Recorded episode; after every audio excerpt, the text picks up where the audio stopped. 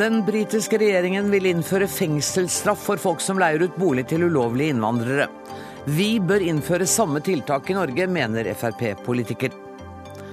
Politidirektoratet bekrefter nå at politiet bærer skarpe skudd i kammeret på våpnene. Jeg håper treningen står i forhold til denne voldsomme beredskapen, sier generalløytnant Robert Mood.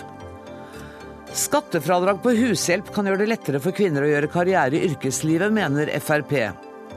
Nei, det betyr mer til dem som har mest og mindre likestilling, sier Arbeiderpartiet.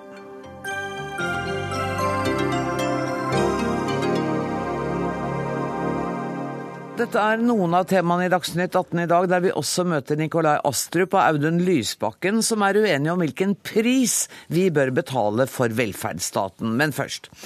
Regjeringen i Storbritannia foreslår altså at folk som leier ut bolig til ulovlige innvandrere, kan straffes med fem års fengsel.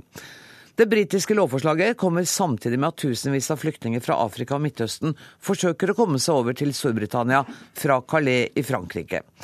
Og stortingsrepresentant for Fremskrittspartiet Erlend Wiborg, til Vårt Land i dag sier du at dette er et tiltak du støtter fullt ut, og at Norge bør vurdere lignende. Hvorfor det? Det er en utfordring i Norge med at vi har mange mennesker som oppholder seg ulovlig i Norge, som lever under jorden. Det er litt forskjellige anslag på antall, men eh, man regner et sted mellom 18 000 og 20 000 mennesker kun i Oslo som lever illegalt. Og eh, Det er viktig for hele asylinstituttet at mennesker skal kunne komme til Norge, søke om asyl, og hvis de ikke har beskyttelsesbehov, da skal de få avslag og bli sendt ut av landet.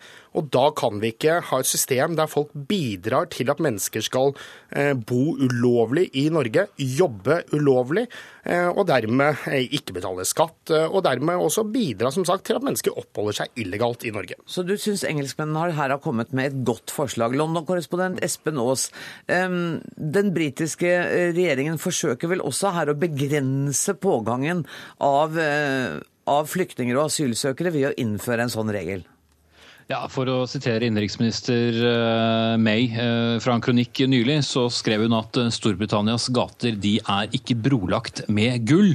Og De forsøker da å sende et signal om at det er vanskelig å komme inn her, og at det raskt vil skape problemer for deg dersom du, du kommer over. De har, Regjeringen til Cameron har gjort det krystallklart at de har en absolutt nulltoleranse overfor illegal innvandring, uansett årsaken til at de kommer. Det skal gås gjennom det vanlige asyl Asylinstituttet, og ikke kunne komme inn i landet via eh, lastebiler, slik som eh, en stor mengde mennesker prøver å gjøre hver eneste natt nå. Men, men, fengselsstraff på inntil fem år, det er jo en ganske streng straff da, for å ha leid ut en leilighet til en som ikke har de riktige oppholdspapirene?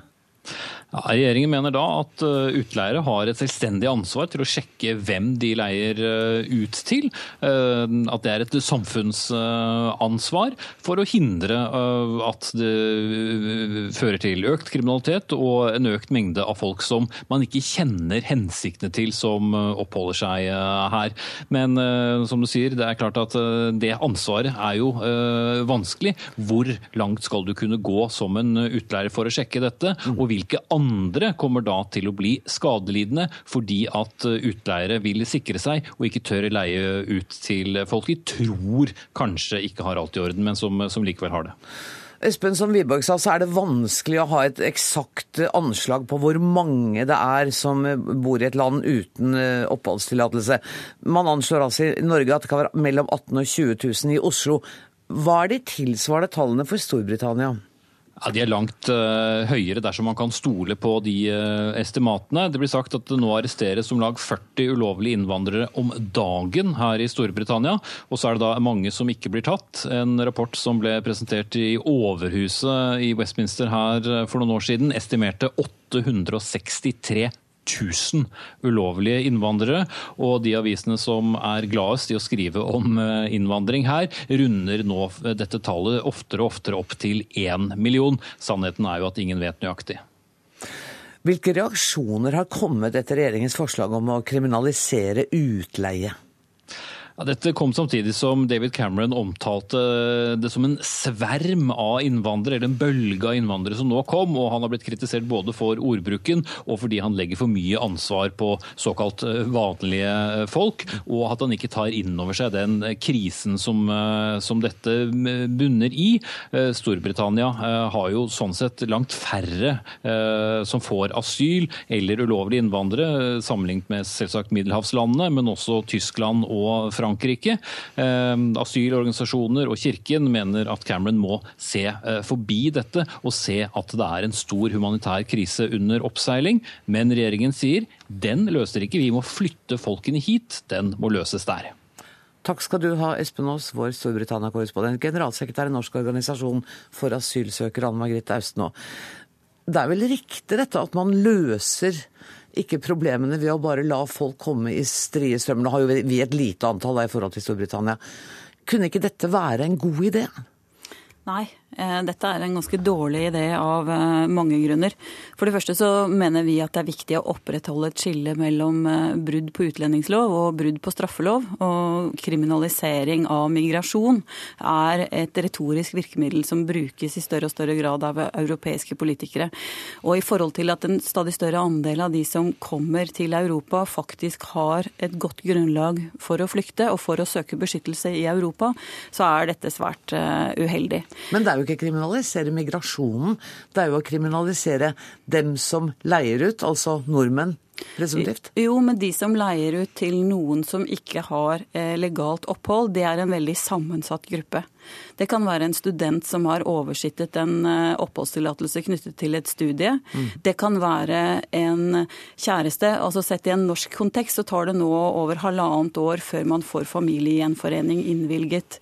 Så kan man komme på turistvisum hvis man er så heldig å være en type land og få det innvilget. Og så kan noen oversitte det, og man kan la vedkommende bli boende i håp om at nå kommer snart den familiegjenforeningstillatelsen, slik at man er der lovlig.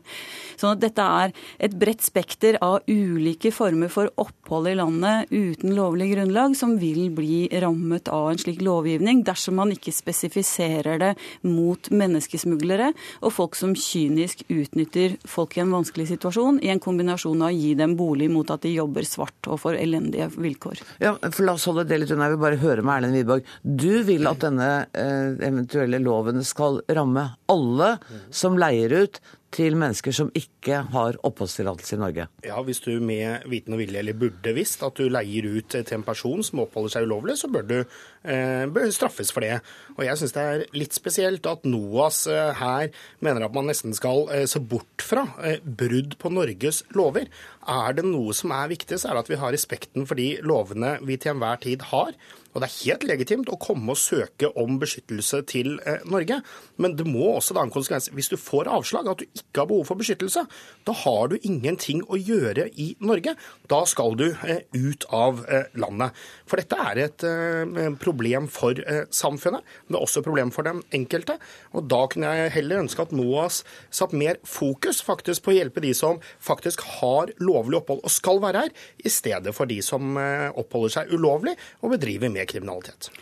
Det, det, kan jeg love deg, det gjør vi. Og av de 1300 sakene vi får per år, så er det bare en 20% av de som vi går videre med fordi vi ser det er grunnlag. Vi mener at det er grunnlag for det. Og andre forsøker vi å gi rådgivning om deres reelle situasjon. Men det er en veldig blandet situasjon. Og det å, sånn som det ligger i det engelske forslaget, å straffe noen med fem års fengsel, sammenligner du det med andre straffer, så er det meget grov kriminalitet. Og om en barnefamilie har oversittet en utreisefrist, og en, en, person i nabolaget som kjenner denne familien, lar dem bo hos seg, og straffe da den personen med fem års fengsel, det er ganske Det tror jeg strider mot veldig manges rettsfølelse i forhold til om det er en strafferamme som du forbeholder ren kriminalitet, som det å drive menneskehandel, det å gjemme folk i, og gi dem bolig mot svart arbeid. Men da diskuterer dere strafferammen mer enn det prinsipielle, ikke sant? Jo, men jeg mener for du er enig i at man ikke skal bryte norsk lov og gi opphold til folk som ikke har oppholdstillatelse, eller? Altså, Det er jo et vanskelig spørsmål. Altså, det, du trenger ikke eh, Jeg mener absolutt at de som ikke har lovlig opphold, de bør reise ut av landet. Og så er det flere grunner, som jeg nevnte, ja. til at folk likevel, av emosjonelle, av andre familier, velger å bli i hvert fall ut skoleåret, vil ikke ta med seg barna ut før det. Altså, Det er mange sånne sammensatte grunner til at folk eh, blir, og kanskje da ikke tør å oppholde seg på mottak hvis de er eh, asylsøkere. Så NOAS forsvarer ikke det, men det er noe med denne sammenblandingen, altså bruke virkemidler som vi bruker overfor grov kriminalitet, overfor mennesker som av ulike grunner oversitter utreisefrister mm. eller kommer inn uten å registrere seg. Begår disse menneskene kriminalitet, så skal de få de, andre de sanksjonene som andre får for å begå den kriminaliteten. Men det som er utfordringen er når NOAS eh, her i eh, stor grad bidrar til å legitimere det at mennesket selv skal nesten kunne velge hvilke lover man skal eh, følge.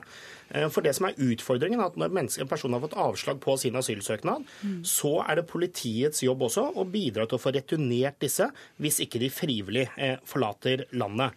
Og da blir det ikke veldig mye enklere hvis vi da lager et system der man fritt skal kunne leie ut bolig til disse.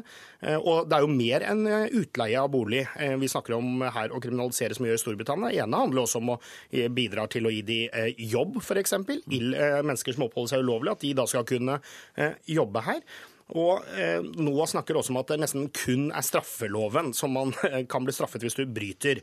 Det er jo feil. Hvis du f.eks. i dag bryter folketrygdloven og eh, jukser til deg forskjellige trygdeytelser, så mener jeg det er en selvfølge at du da skal straffes for det. Men det hvis du bryter arbeidsmiljø... Jo, men det er jo, dette er utlendingsloven òg, ja, så selvfølgelig må det ha konsekvenser. Eh, men... Eh, hvis du bryter utlendingsloven og oppholder deg illegalt og ulovlig i Norge. Men, Wiborg, kan ikke jeg bare spørre deg helt til slutt. Har du testet ut dette forslaget på noen av de andre partiene? Nei, det er ikke gjort. Eh, dette er jo et relativt ferskt forslag fra Storbritannia. og Jeg mener det er viktig at vi i Norge òg må være med å se på alle mulige grep som kan bidra til å få redusert antall illegale asylsøkere i Norge. Regjeringen har satt ny rekord i uttransportering av illegale, og det arbeidet har vi tenkt å fortsette med. Men jeg ble nesten litt glad for at du ikke har snakka med noen andre om det, for det betyr at vi kommer til å få snakka mye mer om det når de andre partiene også er med. Tusen takk for at dere kom. Ja, men jeg må bare ja, si okay. at Det er ikke slik at NOAS oppfordrer til lovbrudd. Det vil jeg ikke ha stående. Det er overhodet ikke riktig, men vi må få lov å reagere på virkemidlene. Det er for mennesker som ikke følger norsk lov, og det er noe Fremskrittspartiet er uenig i. Vi må faktisk tørre å Nei, Hun mener ikke at det skal være straffefrihet heller, Nei, så vidt jeg skjønte. Jeg mener, jeg mener ikke det. Så hvis du hører etter hva jeg sier, så kan vi få en nyansert debatt, så det blir fint. Og jeg gleder meg til dere kommer tilbake og får den. Tusen takk for at dere kom, Erlend Wiborg og Anne Margrethe Hausen.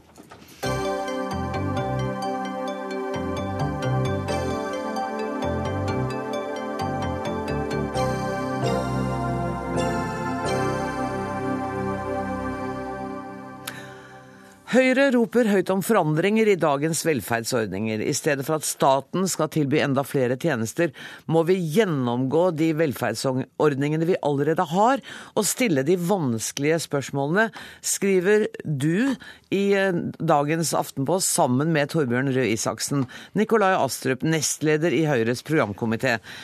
Dere vil f.eks. Vi kan ikke ta alle temaene, for dere, dere dro et veldig stort lerret. Men dere vil tenke nytt om omsorg. På hvilken måte?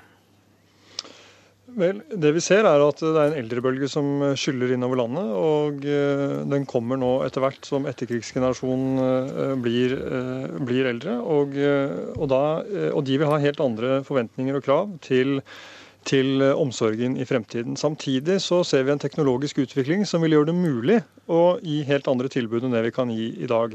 Og Da mener vi det er riktig å stille spørsmål om ikke også eh, det omsorgstilbudet vi har, må endre seg for å tilpasse seg, eh, tilpasse seg denne utviklingen. Så det skal bli bedre å bli gammel? Ja, det skal bli eh, bedre å bli gammel. Det tror jeg alle er enige om. At fremtiden handler om å forbedre ting og ikke om å gjøre det verre. Og det skal bli bedre å bli gammel, men samtidig så må vi gjøre det innenfor de rammene som vi selvfølgelig har, vi, vi, som setter noen begrensninger. Men jeg tror at ny teknologi kan gjøre det mulig og eh, forbedre, eh, forbedre, velferdstjenestene, samtidig som vi bevarer bærekraften i velferdssamfunnet. Fordi at Det dere skriver er jo også at dere vil ikke endre velferdsstaten, den skal vi beholde som den er. Men allikevel så får jeg litt inntrykk av når jeg leser særlig det siste avsnittet i artikkelen, at dere skal endre den bitte litt. For det skal være mer målrettet på hvem det er som skal nyte velferdsgodene. Vel, Poenget er at eh, vi må, eh, for å bevare de kvalitetene vi setter pris på i dagens samfunn, som bl.a.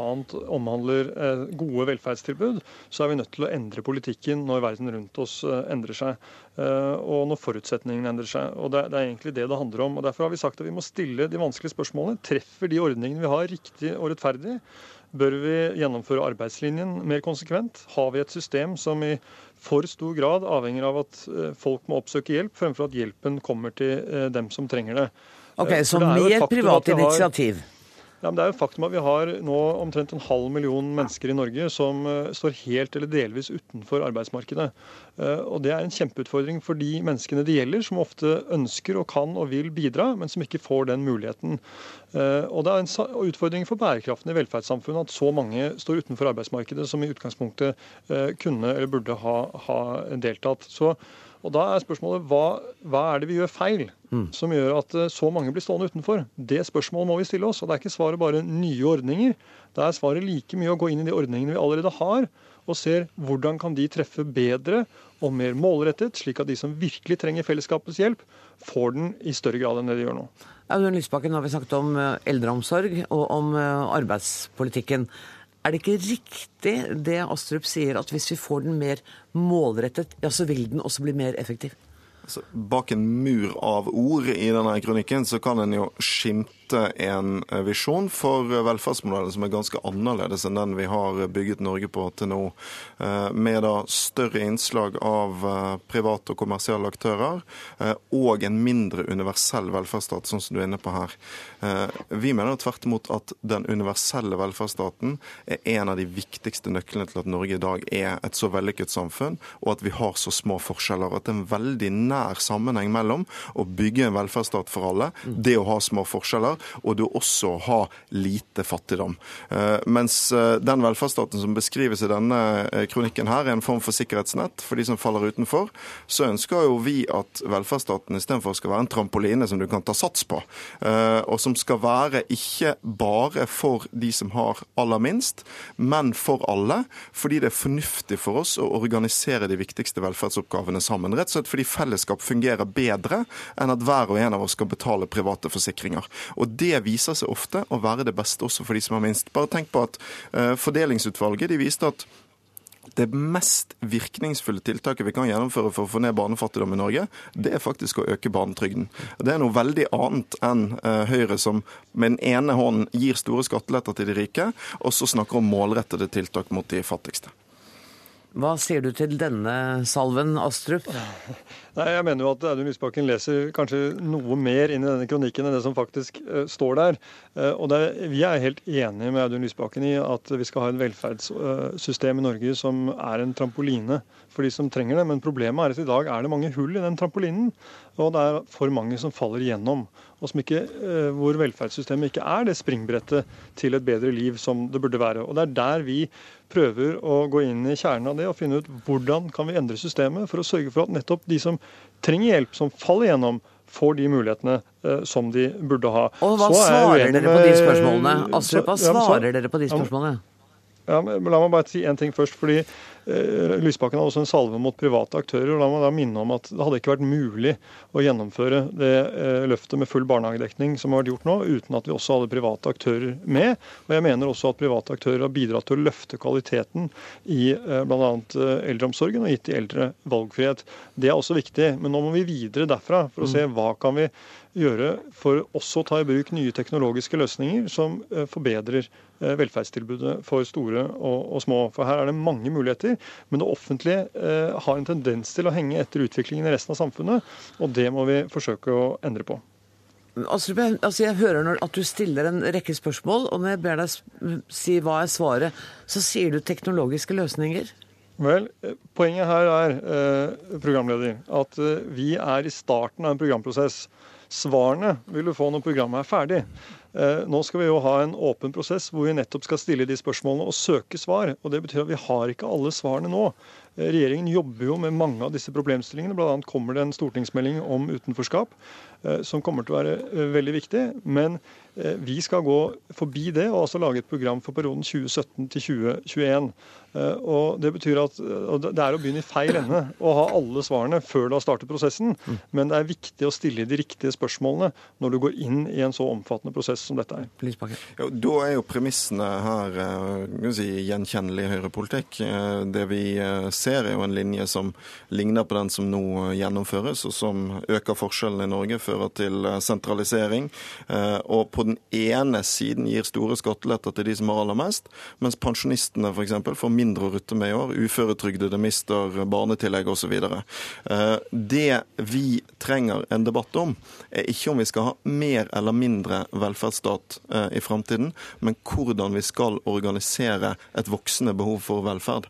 Eh, og det er der jeg mener at si, mellom, I denne kronikken så kan en lese to varsler for framtiden. Det ene er at det offentlige ikke vil kunne gjøre de oppgavene som trengs.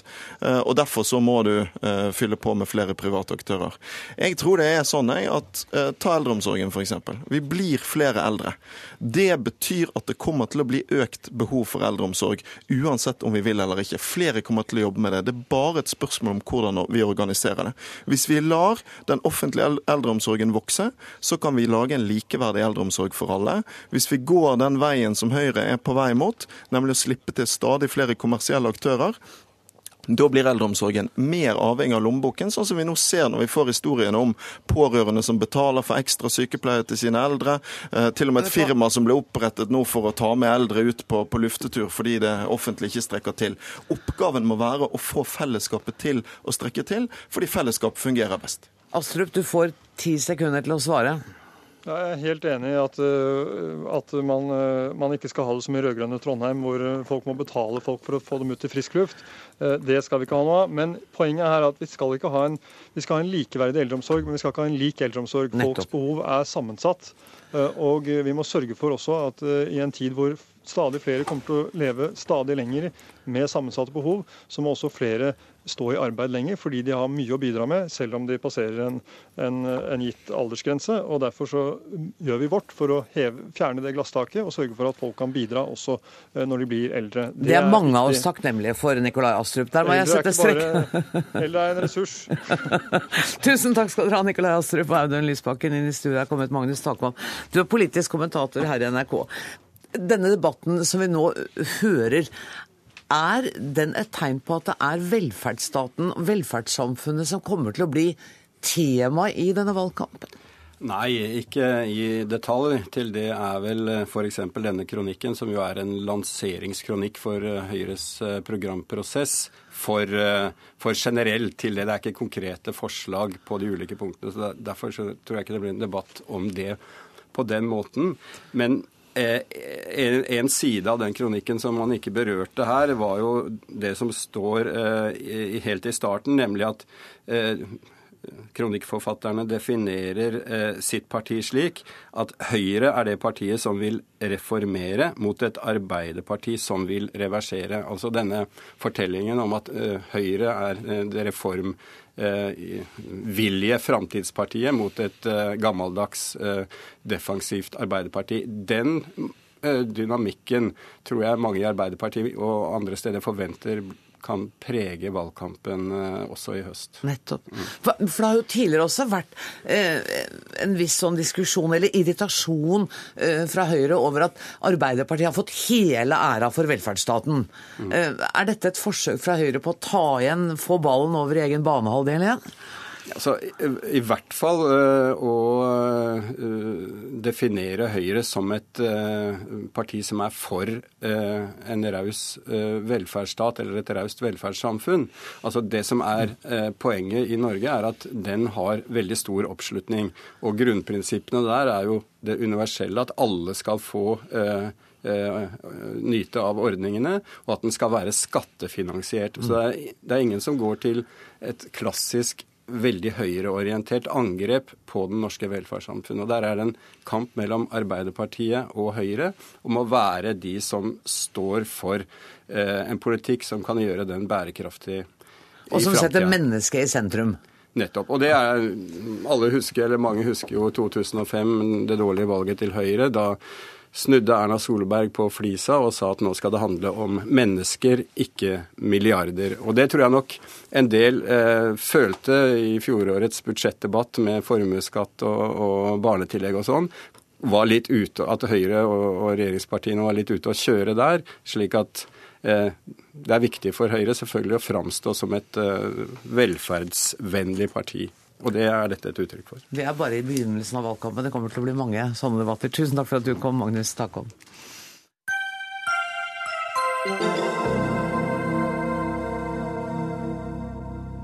Politidirektoratet bekrefter nå i ettermiddag at politiet går med skyteklare våpen med skarpe patroner i kammeret. Bekreftelsen kommer etter at gener generalløytnant Robert Mood i går uttrykte skepsis til måten bevæpningen er gjennomført på. Det kreves mye våpentrening for at dette skal være forsvarlig, mener han.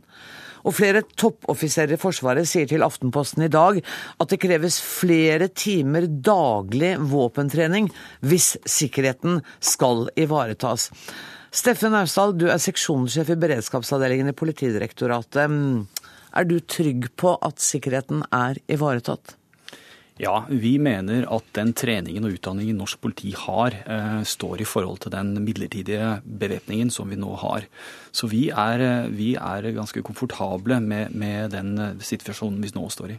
Men um, går det an allikevel å spørre hvorfor de går med skarpe patroner i kammeret, uten at vi skal bli for tekniske på det? Ja, Det kan vi gjøre. Altså, det man må huske på er at eh, norsk politi i en normalsituasjon er ubevæpnet. Det er utgangspunktet. Det vil si at vi har en praksis som bygger på at eh, i de situasjonene hvor vi bevæpner oss, så har vi faktisk til hensikt å bruke våpenet. Eh, og alle våre prosedyrer, altså godkjenningsprogram, opplæring, de mentale forberedelsene hver enkelt tjenestemann har, tar utgangspunkt i at våpenet er ladd. Og det er klart at det, den praksisen ønsker vi ikke å, å, endre i lys av at vi nå står i en midlertidig situasjon. Okay. Um, Generalløytnant Robert Mood, du sier til Nettavisen at det å gå med skarpe patroner i kammeret til enhver tid er en like høy beredskap som den norske soldater har når de er i ferd med å gå inn i kampoperasjoner? Ja, det er riktig. La, la meg bare først få si at jeg ikke uttaler meg på vegne av i denne saken. Jeg uttaler meg på, vegne, på egne vegne, og at vi har masse flotte polititjenestemenn som gjør en kjempejobb med for lite ressurser. Og Når det da er sagt, så, så er jo det å ha et skarpt skudd i kammeret, slik at våpenet er klar til avfyring i internasjonale operasjoner, det er enten den siste forberedelsen du gjør før du går i en forventa sammenstøt eller ildkamp, eller det er det siste steget i en trinn for trinn eskaleringsstige som har som formål å roe ned en situasjon i de mer dagligdags uh, hendelsene man kommer inn i. Kan du se at politiet kan ha det samme behovet som soldater i kamp? Altså, jeg ble helt først overraska når når jeg um, skjønte at uh, det norske politi, hvis jeg har skjønt det riktig, på generell basis går med en skarp patron i kammeret. Men det er klart, dersom dette har basis i en trusselvurdering som sier at norsk politi på sekunders varsel må være forberedt på ildstrid, um, så er det sannsynligvis de trusselvurderingene har ikke jeg innsikt i, men da må de også være uhyre godt trent. Én, trent for å skyte og treffe, eller enda mer krevende, å velge ikke å skyte i en hektisk situasjon med mye nerve. Det å gå fra en normalsituasjon til det scenarioet på noen få, få, sekunder, det er uhyre krevende. Da må du være på skytetrening flere ganger i uka og drive situasjonstrening med våpen tilsvarende. Du skrev på Twitter i går at du håper at våpentreningen står i forhold til denne voldsomme beredskapen. Jeg tolker deg som at du tviler litt på det? Ja, jeg har sett de tallene politiet selv, selv oppgir, og det, det, med det utgangspunktet jeg akkurat nevnte, så virker det mm, veldig lite. Eh, som sagt, dersom man skal være forberedt på til enhver tid på sekunders varsel på å enten skyte og treffe, eller velge å ikke skyte i en veldig hektisk situasjon med mye nerve, så krever det at du er på skytebanen og trener flere ganger i uka, og også driver da trening på disse spesifikke situasjonene hvor du fremprovoserer nerve og, og hektiske um, omstendigheter, hvor du må ta avgjørelser på tiendelers um, varsel. Steffen Også flere ganger i uka. Steffen Austdal, er det, hvis du skal være helt ærlig, er det litt for snau trening til at man kan forvente at disse politifolkene skal takle på sekunders varsel å være i en kritisk situasjon eller avverge en situasjon? Nei, vi mener ikke det. Jeg tror det blir feil å hekte seg opp i det antall timer som, har, som nå har vært ute i media, med at eh, norsk politi tjener 48, 48 timer årlig eh, i våpenbruk. Det man skal huske på at Denne prosessen starter allerede ved seleksjonsprosessen inn til Politihøgskolen, hvor man gjør vurderingen av egnetheten til hver enkelt tjenestemann. Så følger et utdanningsløp over tre år. Når man er ferdig på Politihøgskolen, eh, så går man inn da i en årlig eh, godkjenningsprogram, hvor man trener da på våpenbruk. Eh, Jeg har også lyst til å si det at det, det, politiets våpenbruk handler om noe mer enn å stå på en skytebane og, og skyte på en blink. Det handler også nettopp om det Mod er inne på her, det å faktisk nedskalere en situasjon. Det faktisk å ikke bruke våpen, for det er jo faktisk det vi ønsker.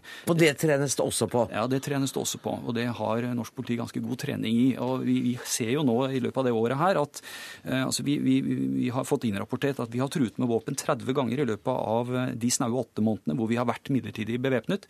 Eh, vi har avfyrt tre skudd, eh, og, det sier meg noe om at det gjøres gode vurderinger der ute. Det er et veldig lite antall eh, situasjoner som fører til at politiet løsner skudd. Men, men det at det er usikrede skudd i et hylster altså jeg tenker, Kan jeg føle meg trygg når byen vrimler av politifolk som har det sånn? Det du kan være helt trygg på, er at dette har norsk politi trent på. Og du må huske på det, dette er ikke noe bare norsk politi har eh, en praksis på. Dette er lik praksis som veldig mange andre land som, som da er faktisk fast bevæpnet. De går også med, da, med, med det vi kaller skudd i kammeret. Um, eh, Men, men det jeg også lyst til å si, er at det, det er jo også bygget inn eh, på, på til funksjoner som gjør at det ikke skal være så veldig enkelt å få avfyrt et skudd fra, eh, fra det våpenet. Nå var det jo det for en fyr i Stavanger, da. Det viser seg at eh, det var mulig, og det er en situasjon som vi er nødt til å gå inn i og se på. Men, Så det kan hende at dere endrer noen rutiner etter det som ja, skjer men i hvert fall, det, er, det er helt naturlig at vi må gå inn og se på rutinene våre. Eh, Men, men det er litt tidlig å på en måte konkludere der. Men nå er det ikke opp til Politidirektoratet å bestemme hvorvidt denne bevæpningen blir permanent. Det er det politikerne våre som skal gjøre. Men har dere en plan som gjør at dere vil styrke treningen dersom det nå skulle vise seg, om det ikke blir permanent, i hvert fall bli ytterligere forlenget? Ja, altså, vi, som jeg sa, vi foreløpig så er vi ganske trygge på at den utdanningen vi har, den står seg godt i den midlertidige situasjonen som vi er i nå. Mm.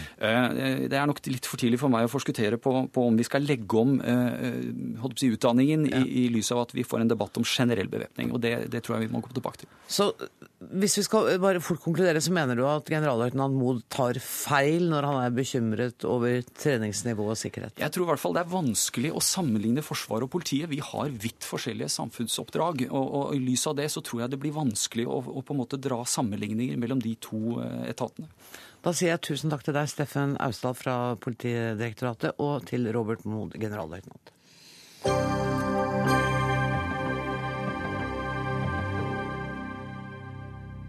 Skal fortsatt dreie seg om eh, politiet. For hvor langt kan en polititjenestemann gå i ytringer privat?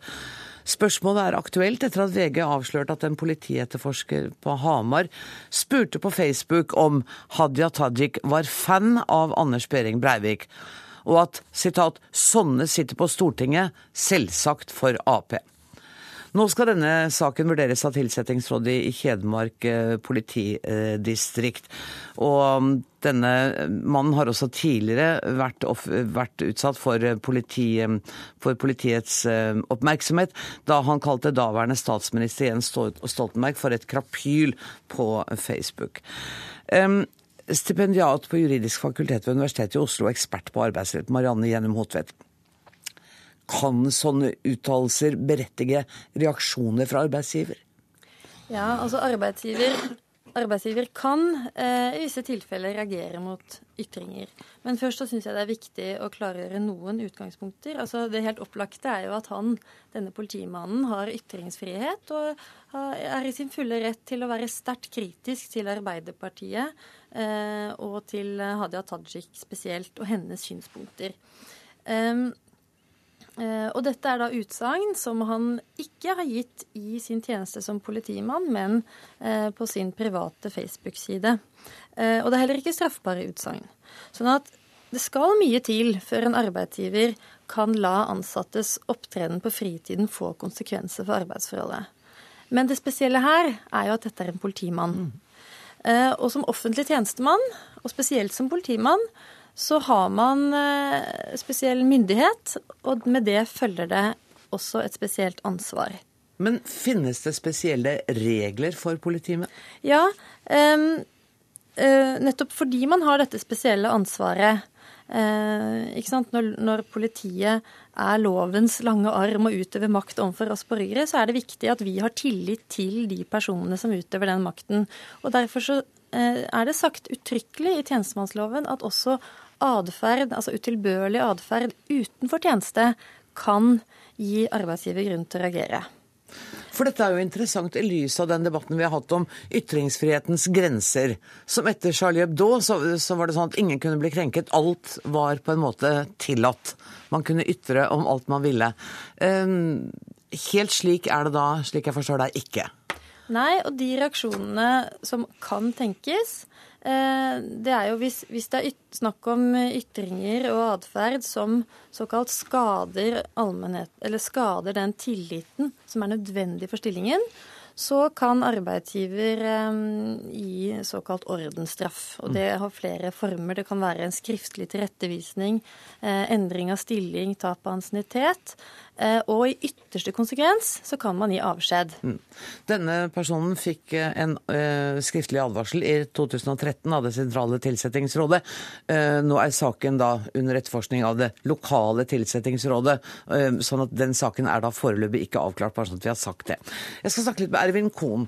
Mange kjenner deg som forstander i Det mosaiske trossamfunn, men du er også nestleder i Antirasistisk senter. Hvordan vurderer du uttalelsene fra denne polititjenestemannen? Det er veldig viktig, som det ble påpekt, at uh, en politimann er politimann, enten han er uh, i sivil eller uh, i tjeneste. Mm. det som er kritisk for polititjenestemenn, det er at de har tillit. Politiet skal beskytte oss mot hatefulle ytringer. De skal ikke utføre dem.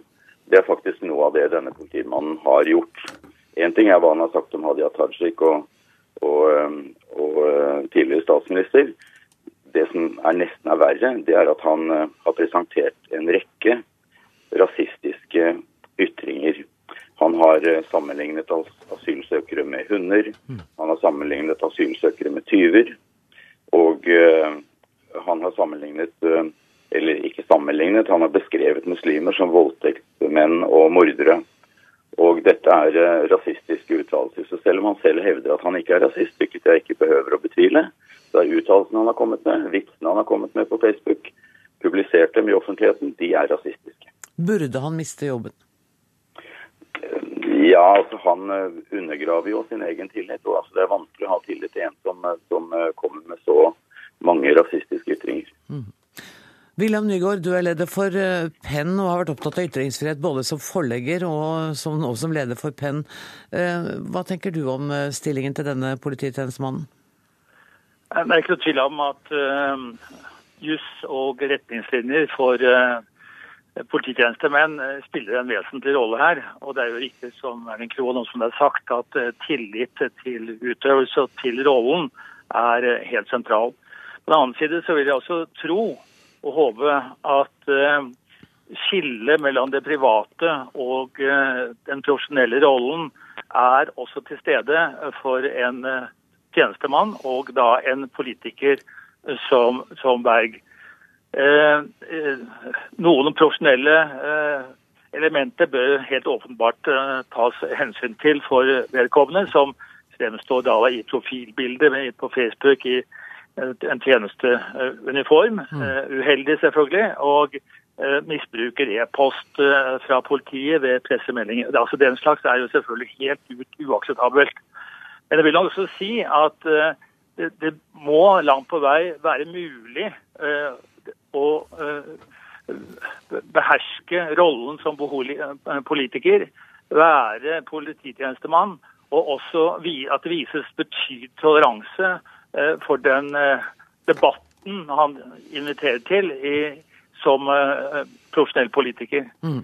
Jeg ser selvfølgelig godt den problematikken som, som en Krohn her henviser til. Det er ikke noen tvil om. Mm. Og Hadia Tajik selv forsvarer jo hans rett til å komme med skarpe utsagn mot henne, og vil jo heller ikke gå videre på dette. Men er det da slik, Marianne Gjennom Hotvedt, at det, det, William Nygaard peker på her, nemlig at han ikke skiller med altså har privat uh, profilbilde av seg i uniform, er det der noe av problemene oppstår? At han ikke skiller nok mellom det private og politimannen og politikeren? Ja, Det er klart det bidrar jo til å viske ut grensene. Mm. Eh, og man kan jo stille langt strengere krav til hva han gjør i tjenesten enn utenfor. Men mitt poeng innledningsvis er jo også utenfor tjenesten eh, stilles det klare krav. Men pga. ytringsfriheten så må jo terskelen for å reagere mot ytringer være høy.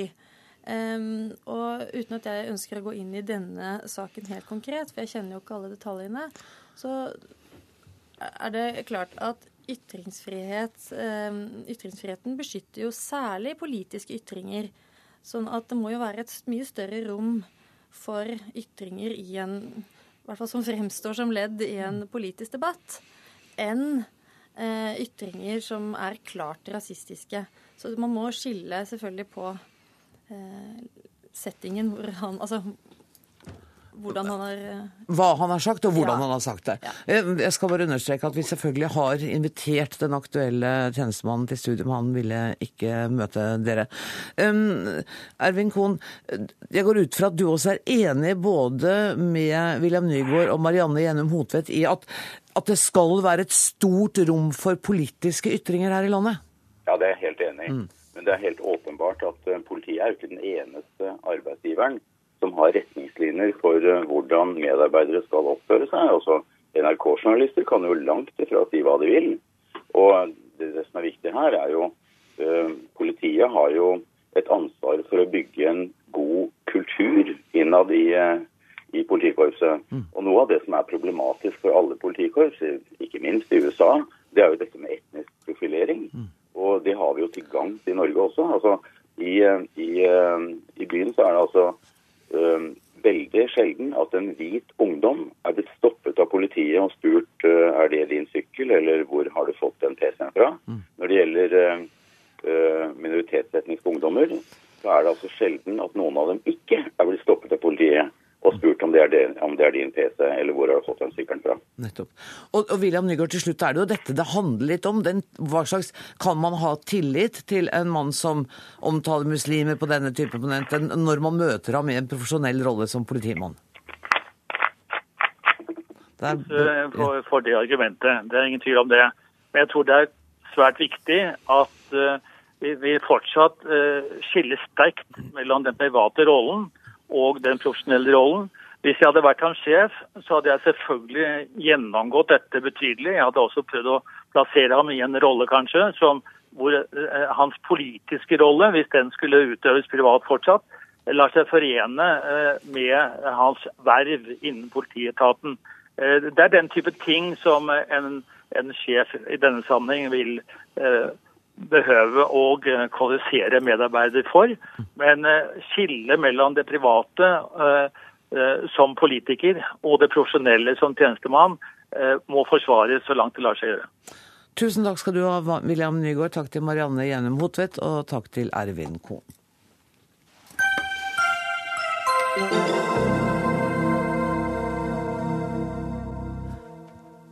Likestillingens navn vil eh, Fremskrittspartiet nå gjøre det lettere for karrierekvinnen å kombinere jobb og familie. Kvinner har fortsatt mest ansvar i hjemmet og bør få skattefritak til arbeid der, som bl.a. hushjelp, vask og barnepass. I Dagsavisen i går sa du, Line Miriam Sandberg, at karrierekvinnen fremdeles er et skjellsord i eh, Norge. Du er selv lokalpolitiker i Troms, og for øvrig også gift med nestleder i Frp, Per Sandberg. Mener du at karrierekvinne er et skjellsord? Ja, for noen så eh, blir det brukt nesten som et skjellsord. Det, det ligger også svar på eh, bloggen i Dagsavisen, der man Der mistet vi rett og slett Nei, der er du. Flott.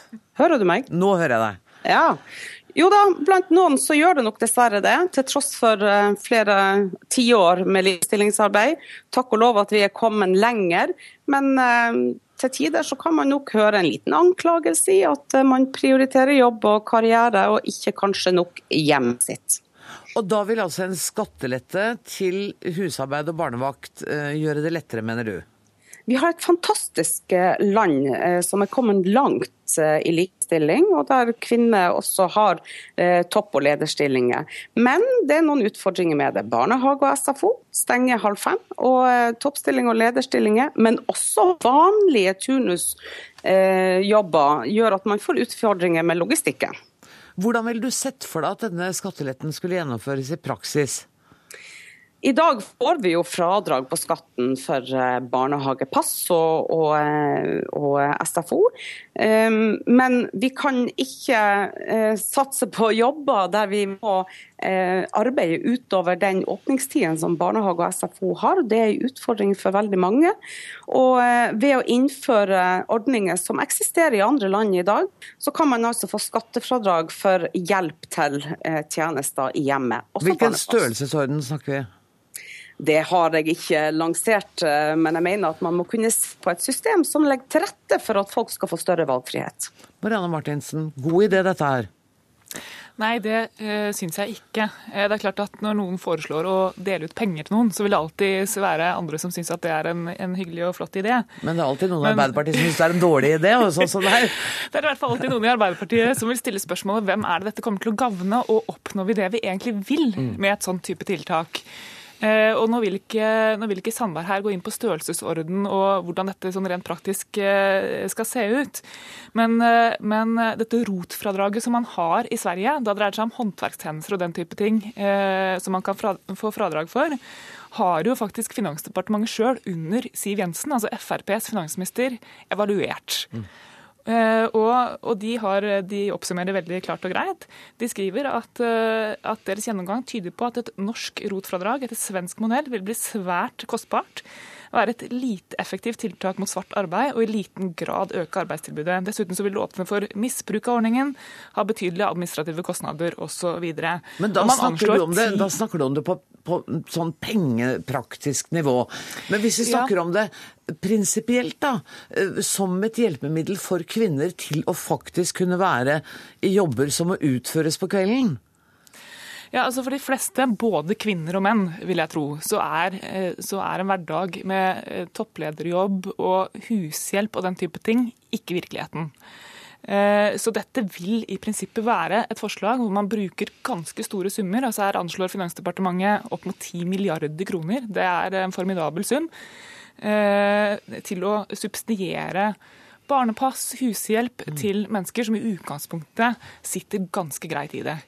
Eh, og, og, jeg skal jo innrømme, jeg, hos oss er det en skokk med unger, og det finnes dager hvor man kunne tenke at en hushjelp ville vært fint.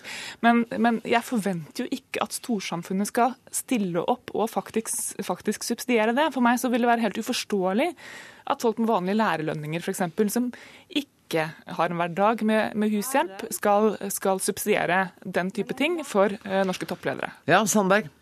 Ja, altså, det, det, er ikke snakk om å finansiere for de som har penger nok fra før. Det er jo sånn systemet er i dag. at De som har nok penger, de kjøper seg den tjenesten og den barnepassen de trenger.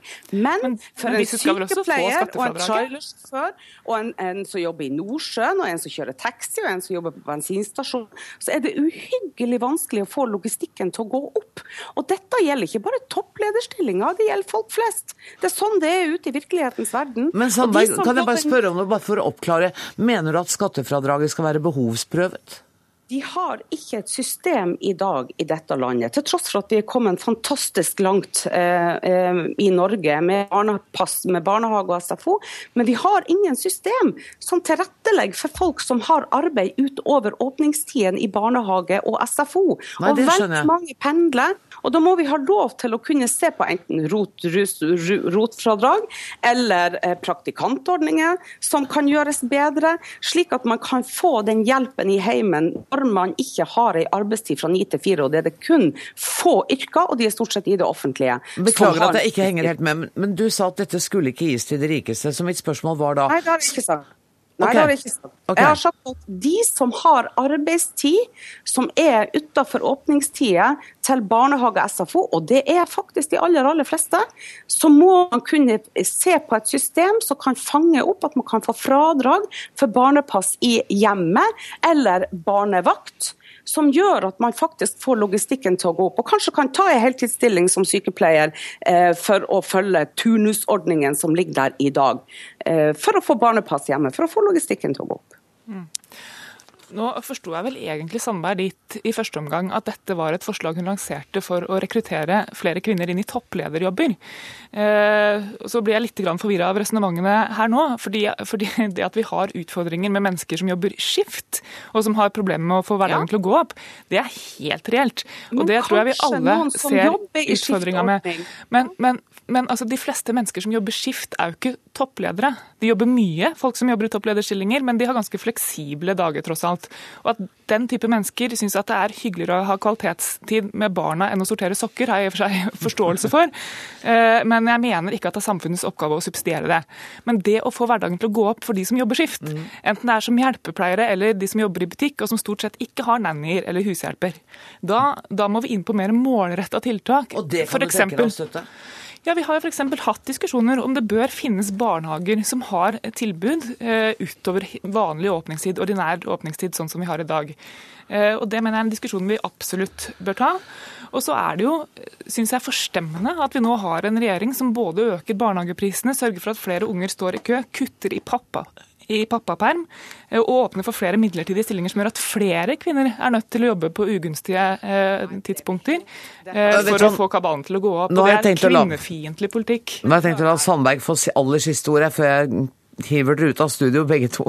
Men hør her, det er faktisk ikke sånn at noen som jobber i turnus aldri kan se for seg å få en lederstilling. Det er jo nettopp derfor at vi ønsker at systemet skal endres og tilrettelegges for samfunnet vi har i dag, som er døgnåpent, Mm. og alle jobber til alle døgnets tider. Vi er nødt til å tilrettelegge for at folk flest skal få lov til å ta de rette valgene. Og hvis det innebærer at de ønsker lederstilling, ja, så må vi ha et system som fanger det opp. Og det er ikke for de rike, det er for folk flest.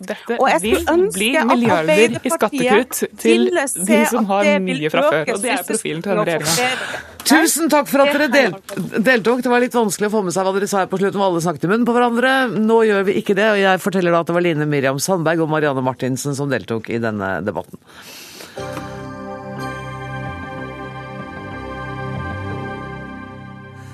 Ja, Nok en vanskelig overgang her i Dagsnytt 18. Eh, reaksjonene er sterke etter at den pakistanske gutten Shafkat Hussein ble henrettet i Karachi i dag morges.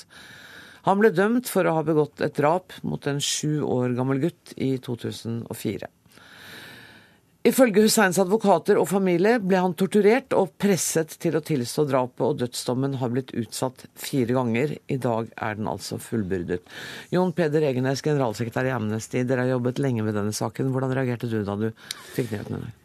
Nei, dessverre så har jeg jo blitt vant til dette, ikke minst fra Pakistan det siste halve året, at eh, de menneskene vi kjemper for å redde fra galgen, da, i dette tilfellet, eh, klarer vi ikke å gjøre det med. Eh, Det har jo vært en ekstremt negativ utvikling i Pakistan siden desember i fjor. Ca. 200 som har blitt henrettet. For det var da de gjeninnførte dødsstraffen, ikke sant? Da gjeninnførte de dødsstraffen som en slags umiddelbar eh, reaksjon på denne grufulle terrorhandlingen mot denne skolen hvor 140 barn ble drept. Vår analyse av det er selvfølgelig at det var en ren avledningsmanøver. Folk var rasende. Barn hadde blitt drept, ikke bare på en skole hvor de burde være beskyttet, men på Hærens skole, der de i høyeste grad burde vært beskyttet.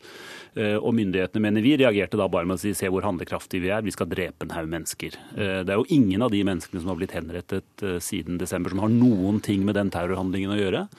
Så dette er i våre øyne bare en, et, et forsøk på å hva skal jeg si, ja, avlede vanlige folks sinne. Mm. Atta Ansari, du er norsk-pakistaner og journalist her i NRK.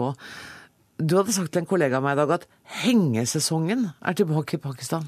Ja, det er ikke bare mine ord. Det er også flere andre politiske kommentatorer som sa dette da rett etter desemberhendelsene i Peshawar. At nå kommer vi til å oppleve en høysesong for da henging av mennesker. Dette var sagt ironisk, men veldig viktig at dette ble sagt. For det som ligger bak her, er jo at de fleste som da dømmes til døden, der da dødsstraff fullbyrdes, gjennomføres, det er jo da fattige fattige, ressurssvake mennesker. Og hvis måte, målet var liksom da, å ta terrorister og ekstremister ved å gjenåpne eller gjeninnføre dødsstraff, så har ikke regjeringen i Pakistan nådd dette målet. Og det er det noe som da mange politiske kommentatorer som da peker på også i dag. Men han har altså drept en sjuåring? Ja, det kan diskuteres. Altså Advokaten hans har jo da hele tiden sagt at han da kom med denne innrømmelsen eller tilståelsen under tortur. Og vi vet jo at i Pakistan så er ikke da tortur som en politimetode. Det er veldig vanlig, det er akseptert. altså Til og med retten kan gi en slags tillatelse til politiet til å kunne da begå fysisk sant, da, vold eller avhør. Metodene, på en måte da, Der inngår også da tortur som en lov, lovlig metode, faktisk. og Det er det som er det store dilemmaet og problemet da, med det pakistanske rettsvesenet, og også da politiet, politiet Pakistan. At etterforskningen viser seg å være dårlig bevisføringen i, i, i, mange av disse sakene viser seg å være veldig svak. Det er tilståelser etter tilståelser. Vi vet at en person som f.eks. het Zulfikar Khan, han satt i fengselet i 16 år og ventet på sin dom. Han tok doktorgrad i litteratur, han var kjent kunstner, han var forfatter. Han ble da til og med hengt og drept. Han hadde ansvaret for å ha utdannet og gitt utdannelse til mange innsatte i fengselet. En utilregnelig person eh, som også satt i fengsel i mange år, ble også hengt for noen uker siden. Men i Amnesty, altså Du sier dere har jobbet med dette i mange år. Men så var jo statsministeren i Pakistan i Oslo og spilte cricket med Erna Solberg. Liksom. Hva gjorde dere da? Dere var helt stille, dere. Ja, det kan du godt beskylde oss for. Det er klart at, at, vi har jo tatt opp med norske myndigheter mange ganger at de må ta dette opp med myndighetene i Pakistan. Og, og det har norske myndigheter til en viss grad også gjort. Det, det må vi ikke stikke under en stol. Men det hjelper ikke? Nei, altså det, som, det, var jo veldig interessant at de, de, sluttet å henrette i seks år. Så kommer denne terrorhandlingen. Det var også da, da, Nawaz Sharif kom tilbake som statsminister, så var det, var det, spekulasjoner omkring at han i hvert fall muligens ville gi amnesti til de som hadde sittet 15 år eller mer på dødscelle osv. Men ingenting av dette skjedde. Så kommer dette terroranslaget, og så får vi altså denne vanvittige reaksjonen i stedet. Det som jo er skal vi si, dobbelt trist med denne saken til Shafkat Hussain, det er at han jo sannsynligvis var 14 år da denne forbrytelsen skjedde, enten han begikk den eller ikke. Og Det er jo ikke bare forbudt etter internasjonal lov, men det er forbudt i Pakistan. Så ble det satt i gang en granskning for å forsøke å, å gjøre rede på hvor gammel han var. For dette er jo en gutt fra en veldig fattig familie, har ikke noe fødselsattest. Slike ting blir ikke holdt orden på. Og domstolen i Islamabad sa at denne undersøkelsen ble gjennomført av feil organ. Og vi har gode indikasjoner på at folk ble truet til å gi feil vitnemål i forbindelse med denne undersøkelsen, og at beviser, bl.a. hans skolepapirer, ble underslått. Som vi tror kunne bevise at han var altså et barn da denne forbrytelsen ble begått. Så her er det en drapslyst som ja, det er Iran og Kina kanskje som, som, som kjører det samme, løpet. Mm. Atta, helt kort til slutt, hvordan har reaksjonene i mediene vært i dag? Det er klart at eh, mange politiske eh, skribenter og kommentatorer kommenterer jo dette liksom da på samme måte som Amnesty International her i Norge. Men, ja. men vi må vite at i Pakistan så er dødsstraff ganske akseptert. Mm. Men det som ikke er akseptert, er liksom da disse uregelmessighetene og korrupsjon i rettsvesenet, som mange reagerer også negativt på denne hendelsen. Jeg må sette strek der og si tusen takk for at dere kom, Jon Peder Egenes og Atta Ansari. Denne Dagsnytt 18-sendinga er slutt. Ansvarlig var Ralf Hartken. Det tekniske ansvaret har Finn Lie. Jeg heter Anne Grosvold og ønsker dere en god kveld.